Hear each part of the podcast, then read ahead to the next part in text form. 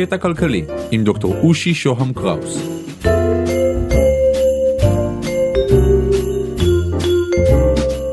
קטע כלכלי, פרק 32, האם טבעי שקיים מעמד ביניים? היעלמותו של מעמד הביניים, או לפחות הצמצום שלו, הוא נושא רלוונטי ומדובר בכל כלי התקשורת. אבל אולי מעמד הביניים הוא פיקציה? אולי הוא מנוגד לטבע של הכלכלה? אבל רגע, האם לכלכלה יש טבע? ואם כן, האם נגזר עלינו לשבת בחיבוק ידיים מול הטבע הזה, או לנסות אולי לשנות אותו?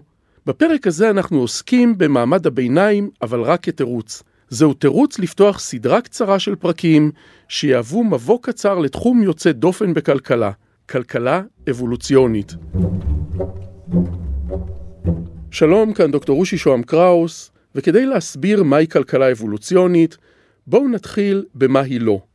ובכן, היא שונה ואולי מנוגדת לגמרי לכלכלה הקלאסית של 300 השנים האחרונות, ובעיקר היא לא מתבססת על הדמות המופשטת של האדם הכלכלי, ההומו אקונומיקוס, האדם הרציונלי, האגואיסט והמחליפני.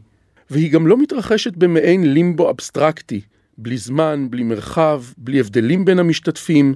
בכלכלה הקלאסית האדם הוא מעין יצור מופשט שלא ממש תלוי בזמן. הוא שווה בתכונות שלו לאחרים והוא לא משתנה, אבל הכלכלה האבולוציונית מניחה הנחות שונות לגמרי. בואו נתחיל. אחד ההבדלים המשמעותיים בין כלכלה רגילה לכלכלה אבולוציונית הוא שהכלכלה האבולוציונית מניחה היסטוריה. הטענה היא שאנחנו לא חיים במציאות חסרת זמן, ולכן כשכלכלנים בונים מודלים כלכליים, הם צריכים לבנות מודלים שמתפתחים בזמן. זה אומר בעצם כמה דברים. האחד, שכל סוכן, ככה קוראים בשפה המקצועית לאדם שפועל בכלכלה, כלומר לכל אחד מאיתנו, כל סוכן הוא יצור משתנה ומתפתח. התכונות שלו יכולות להשתנות עם הזמן. הנה, אני סוכן כלכלי, אני אדם שפועל במערכת הכלכלית, אבל הכישרונות והיכולות שלי לא אחידים. הזמן הוא גורם משפיע. בגיל 22 ניקיתי דירות, אחר כך מכרתי בחנות לספרים משומשים, תרגלתי באוניברסיטה והתחלתי להמציא משחקים לימודיים המוניים. עכשיו אני דוקטור ומרצה. יכולת ההשתכרות שלי התפתחה, היא עלתה מגיל 22 ומשלב מסוים היא תתחיל גם לצנוח. אבל אחת הנקודות המעניינות ביותר של הכלכלה ההתפתחותית היא שגם המערכת הכלכלית עצמה לא סטטית. המערכת משתנה עם הזמן. היא מתפתחת. החברה של המאה ה-19 היא לא החברה של המאה ה-21. הטכנולוגיה שונה, האמונות הדתיות השתנו חלקית, האידיאולוגיות, צורות המשטר, ולכן אולי גם חוקי הכלכלה צריכים להשתנות. אבל אני מרגיש שאני תיאורטי מדי, והדרך הטובה ביותר להדגים את העניין הזה היא באמצעות תיאור ניסוי בכלכלה אבולוציונית. בשנת 1995 ביצעו שני חוקרים במכון ברוקינג בוושינגטון די.סי בארצות הברית ניסוי מרתק. ג'ושוע אפשטיין ורוברט אקסטל הפכו אותנו להדמיות מחשב קטנות בתוך שדות סוכר דמיוניים. וזה מה שהם עשו.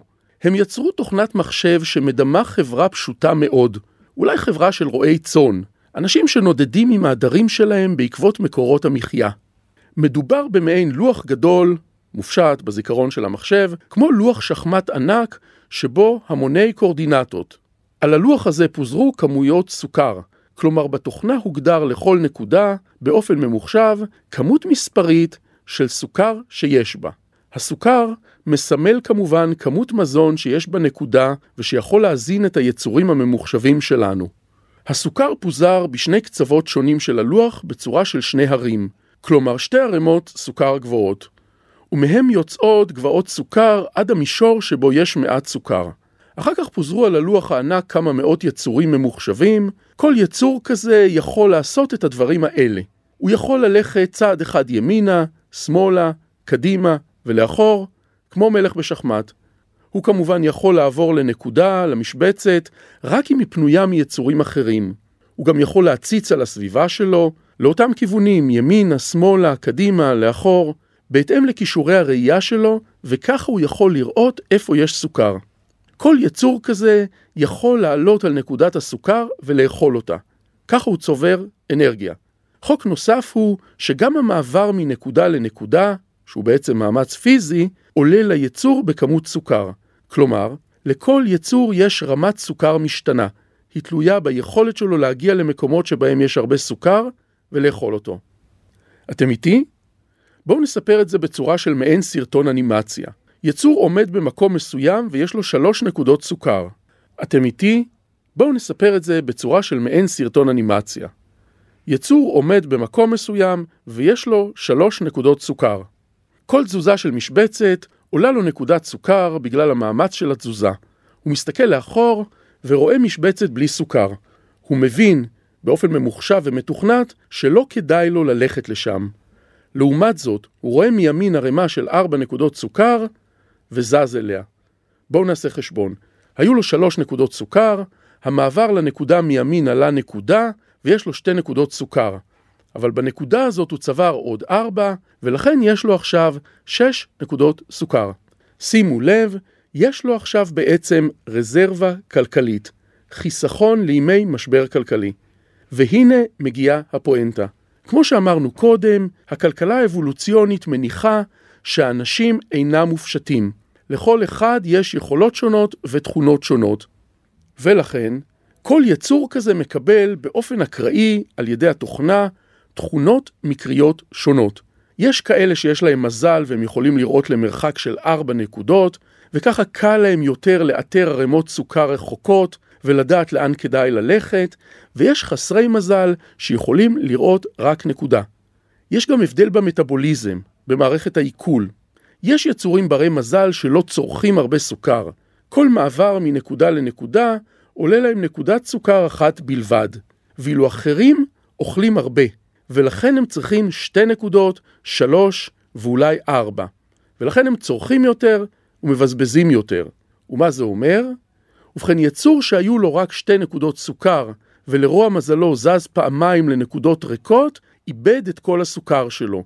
הוא לא יכול לזוז יותר. אין לו כוח לזוז, גם אם מימינו יש הר סוכר של עשר נקודות. הוא מת מרעב ויוצא מהמשחק. ויש עוד משהו. היצורים מפוזרים בצורה אקראית על הלוח. יש ברי מזל שנפלו בדיוק על נקודה שנמצאת על הר הסוכר, ופשוט טוחנים אנרגיה בלי לזוז. ואילו אחרים נודדים במדבר בסודאן, כלומר, במרחבי נקודות שוממות ללא סוכר. אם נסכם, בניגוד למודל כלכלי רגיל, שמניח מרחב וזמן ניטרליים, שבהם פועלים יצורים אבסטרקטיים, יש לפנינו כאן לוח משחק ריאלי יותר. ומה קרה עם הניסוי? החוקרים שלנו הפעילו את הסימולציה והכלכלה התחילה לזוז. בהתחלה היצורים פוזרו אקראית בכל הלוח, אבל לאט לאט הם התחילו להתקרב לעבר הרי הסוכר. ומה עוד קרה? ובכן, מעטים התעשרו מאוד. נוצרה שכבה של מעמד עליון, מעין מאיון עליון. רבים מאוד מתו ברעב, היו הרבה מאוד עניים, והמעמד הבינוני הלך ונשחק. אז מה זה אומר? מה אפשר ללמוד ממשחק כזה? האם אלה חוקי טבע? האם נגזר על מעמד הביניים להיעלם? אולי זה שהיה קיים במשך עשרות שנים במאה ה-20 מעמד ביניים, זה רק שלב בהתפתחות האנושית? אולי טועים כל אלה שמדברים על שוויון? יכול להיות שפשוט ככה זה צריך להיות, מעט עשירים וצבא של עניים. אבל רגע, המודל של שני החוקרים שלנו ממשיך להתפתח והופך מורכב יותר ויותר. מורכב ופסימי. ניסוי ה Sugarscape, ככה תוכלו למצוא אותו ברשת ולהפעיל בעצמכם את הסימולציה, הלך ושוכלל על ידי החוקרים. הם שכללו את המודל והוסיפו את האפשרות להזדווג. מעכשיו, רק אנשים שיש להם מספיק סוכר כדי לגדל ילד, הורשו, באופן מתוכנת, להזדווג ולהביא לעולם ילד נוסף. הילד שנולד ירש חלק מחסכונות הסוכר של הוריו, ובצורה אקראית הוא ירש גם חלק מהתכונות הגנטיות שלהם. הנה, אב מסוים היה בעל חיסכון של עשר מנות סוכר ובעל מטאבוליזם מעולה, כלומר הוא צרך פחות סוכר. ואמא אחת הייתה בעלת ארבע מנות סוכר, בעלת כושר ראייה מצוין ויכולת לזהות ערימות סוכר רחוקות. הילד שלהם מקבל בערך שלוש מנות סוכר משניהם ביחד, וחלק מהתכונות. ומה קרה אז? בואו נריץ את הסימולציה שוב, והנה, מעניין אבל לא מפתיע, העושר החברתי גדל. יותר ויותר סוכר נוצל בצורה יעילה יותר. הגנטיקה במעבר הבין-דורי הלכה והשתפרה, או במילים אחרות, הלא מוצלחים מבחינת התכונות הגנטיות והמזל מתו מרעב, ותחתיהם נולדו עוד ילדים לכשירים יותר. והכי הכי מעניין, הפערים החברתיים הלכו וגדלו, העניים הלכו והתרבו. עכשיו אנחנו מגיעים לשלב נוסף, שדרוג נוסף של הניסוי. שלב מרתק. כאן הפכו החוקרים שלנו את החברה מחברה פרימיטיבית של הקטני סוכר נודדים לחברה של סוחרים. אמנם מסחר פשוט מאוד, אבל מסחר, ככה זה פעל. החוקרים הוסיפו מימד נוסף, משאב נוסף הוכנס לארץ הסוכר. הוא נקרא תבלין. כל יצור חייב, כדי לא למות ברעב, סוכר. אבל הוא זקוק גם לתבלין. לכל יצור רמת עיכול אחרת של תבלין וסוכר, והרמה הזאת תלויה בגנטיקה שלו, והיא מתוכנתת באופן אקראי. כלומר, יש כאלה שצריכים הרבה סוכר ומעט תבלין, ולהפך. והחידוש המרכזי, מותר להם לסחור ביניהם. כל יצור שיש לו עודף של אחד המוצרים האלה, ורואה יצור שצריך אותם, פותח מיד במשא ומתן. כן, הם מתמקחים וסוגרים על מחיר, ואל תשכחו, כל אלה הם תוכניות מחשב שפועלות על פי הגדרות.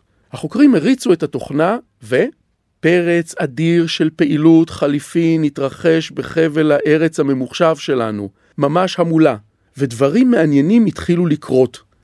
למשל, נוצרה הדמיה של דרך המשי, דרך המסחר העתיקה שקישרה את סין לאירופה וטורקיה.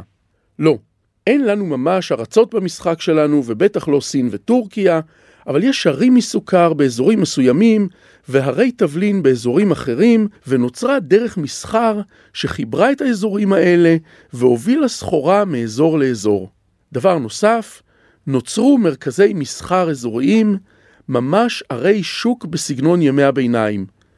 ודבר נוסף, וחשוב תאורטית, הטענה שגורסת שהקפיטליזם מעשיר את החברה אושרה. הסחר שיפר את חייהם של רבים, כמויות הסוכר והתבלין שנכרו מהסביבה גדלו והרווחה עלתה. אם בעבר יצור היה יכול למות מחוסר סוכר כאשר לידו יש יצור מלא סוכר שמת מחוסר תבלין, עכשיו הם יכולים להחליף. ודבר מעניין נוסף, לא נוצר מחיר אחיד בארץ הסוכר והתבלין שלנו. לא נוצר מחיר של שיווי משקל. והדבר הזה סותר את התיאוריות הכלכליות הקלאסיות. בתיאוריות הכלכליות הרגילות, המחיר מתאזן בין ביקושים והיצעים, אבל כאן זה היה שונה. אולי בגלל שבאזורים מסוימים של הארץ הממוחשבת שלנו היה מחיר מסוים מקובל, ובמקום אחר, מרוחק יותר, היה מחיר שונה. אבל לקח זמן למחירים האלה להיפגש. הידע לא עבר מספיק מהר. אבל הדבר המדהים ביותר בניסוי הוא ההיווצרות של בנקים. כן, אפילו היווצרות של מעין משקיעים מוסדיים.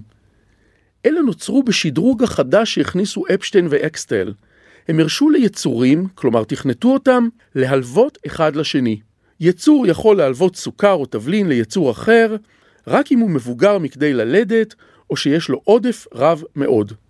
יצור יכול ללוות רק למטרת הולדה, וגם זה בתנאי שיש לו אספקה שוטפת של סוכר ותבלין. וכן, יש גם ריבית. אז הנה, שוב אנחנו לוחצים על כפתור ההפעלה, היצורים מתחילים ללוות ולהלוות במרץ, והנה יצורים רבים התחילו ללוות רק כדי להלוות. עשירים מאוד, מלאי סוכר ותבלין, החלו להלוות למלווים כאלה. לכל בנק כזה היו סוכנים רבים שלוו ממנו והלוו הלאה. לפעמים עבר הסוכר שבע ידיים מהמשקיע הראשון לסוחר ולסוחר השני ולמתווך הפיננסי השלישי עד שהגיע ללקוח. והלקוח הסופי הוא כנראה שילם בהתאם. והנה יש לנו מוסדות פיננסיים שממש מתהווים מתוך הגדרות פשוטות של הלוואה. אז מה זה אומר? נחזור וננסה לסכם את מה שהיה במילים אחרות. אפשטיין ואקסטל יצרו קהילה מלאכותית ממוחשבת ונתנו לה לפתח כלכלה מתוך עצמה. זו הייתה קהילה ברוח הכלכלה האבולוציונית, כלומר הסימולציה נתנה מקום להתפתחות היסטורית ולהבדלים בין אנשים. ואכן, הסימולציה הניבה כלכלה הדומה לכלכלה שלנו. אז מסקנה אחת יכולה להיות שהכלכלה האבולוציונית שווה התייחסות והצצה. ובעניין תוכן הניסוי, האם זה אומר שהתגלה כאן שקפיטליזם הוא תופעה טבעית והכרחית? האם קפיטליזם הוא תוצר טבע ואבולוציה, והוא הכרחי כמו חדק של פיל או צוואר של ג'ירפה? האם בנק הוא דבר טבעי כזה, רצון טבע? לדעתי לא. לדעתי זה לא נובע מניסוי כזה. לכל ניסוי יש הנחות. חלקן נסתרות ואפילו לא מודעות לחוקרים וחלקן גלויות. מה שקורה הוא שלפעמים עצם הנחת הנחות מסוימות גורמת לתוצאה מסוימת. בלוגיקה זה נקרא כשל הנחת המבוקש. אנחנו מניחים מראש, בלי שאנחנו שמים לב, את מה שאנחנו רוצים להוכיח. בלי ששמו לב, אפשטיין ואקסטל הניחו הנחות יסוד של חברה קפיטליסטית לגמרי, ולכן אין להתפלא שהמסקנות יצאו להם קפיטליסטיות לגמרי. הם הניחו למשל שאנחנו פועלים כמו אטומים בודדים. כל יצור בנפרד, ושאין בינינו משהו שמקשר אותנו. האם זאת ההנחה היחידה שאפשרית? נסיינים סוציאליסטים היו אולי מחברים את היצורים שלהם בקשרי גומלין מהותיים יותר, ואולי מפעילים כאן יותר כלים מתורת הרשתות. חוץ מזה, החוקרים שלנו הכניסו למשוואה, כלומר לתכנות שלהם, רק את התכונות של יצורים כלכליים בסגנון קפיטליסטי מובהק. היצורים שלהם שואפים רק לטובת עצמם, כלומר להשיג סוכר ותבלין, הם חכמים, כלומר יודעים איך לעשות את זה, והם רוצים לקדם את עצמם בכל מחיר. בקיצור, הנחנו חברה קפיטליסטית, ולא צריך להתפלא שזה מה שיצא. בפרקים הבאים נמשיך במבואון לכלכלה אבולוציונית. אני מרצה ומייעץ בתכני הפודקאסטים, תוכלו להשיג אותי באושי את אושי.co.il, תוכלו לשלוח לי וואטסאפ ל-050-8898-322, אבל רק וואטסאפ, או לקרוא לי במסנג'ר של פייסבוק, אושי שוהם קראוס באנגלית. תודה לקווין מקלוד על המוזיקה, תודה לרון טוביה, עורך הפודקאסטים של גלובס. אם אתם מתעניינים בפיננסים חדשים, ניהול הון, ביטוח דיגיטלי ובנקאות עתידית, אתם מוזמנים להאזין לפודקאסט השני שלי בגלובס, דוח פינטק.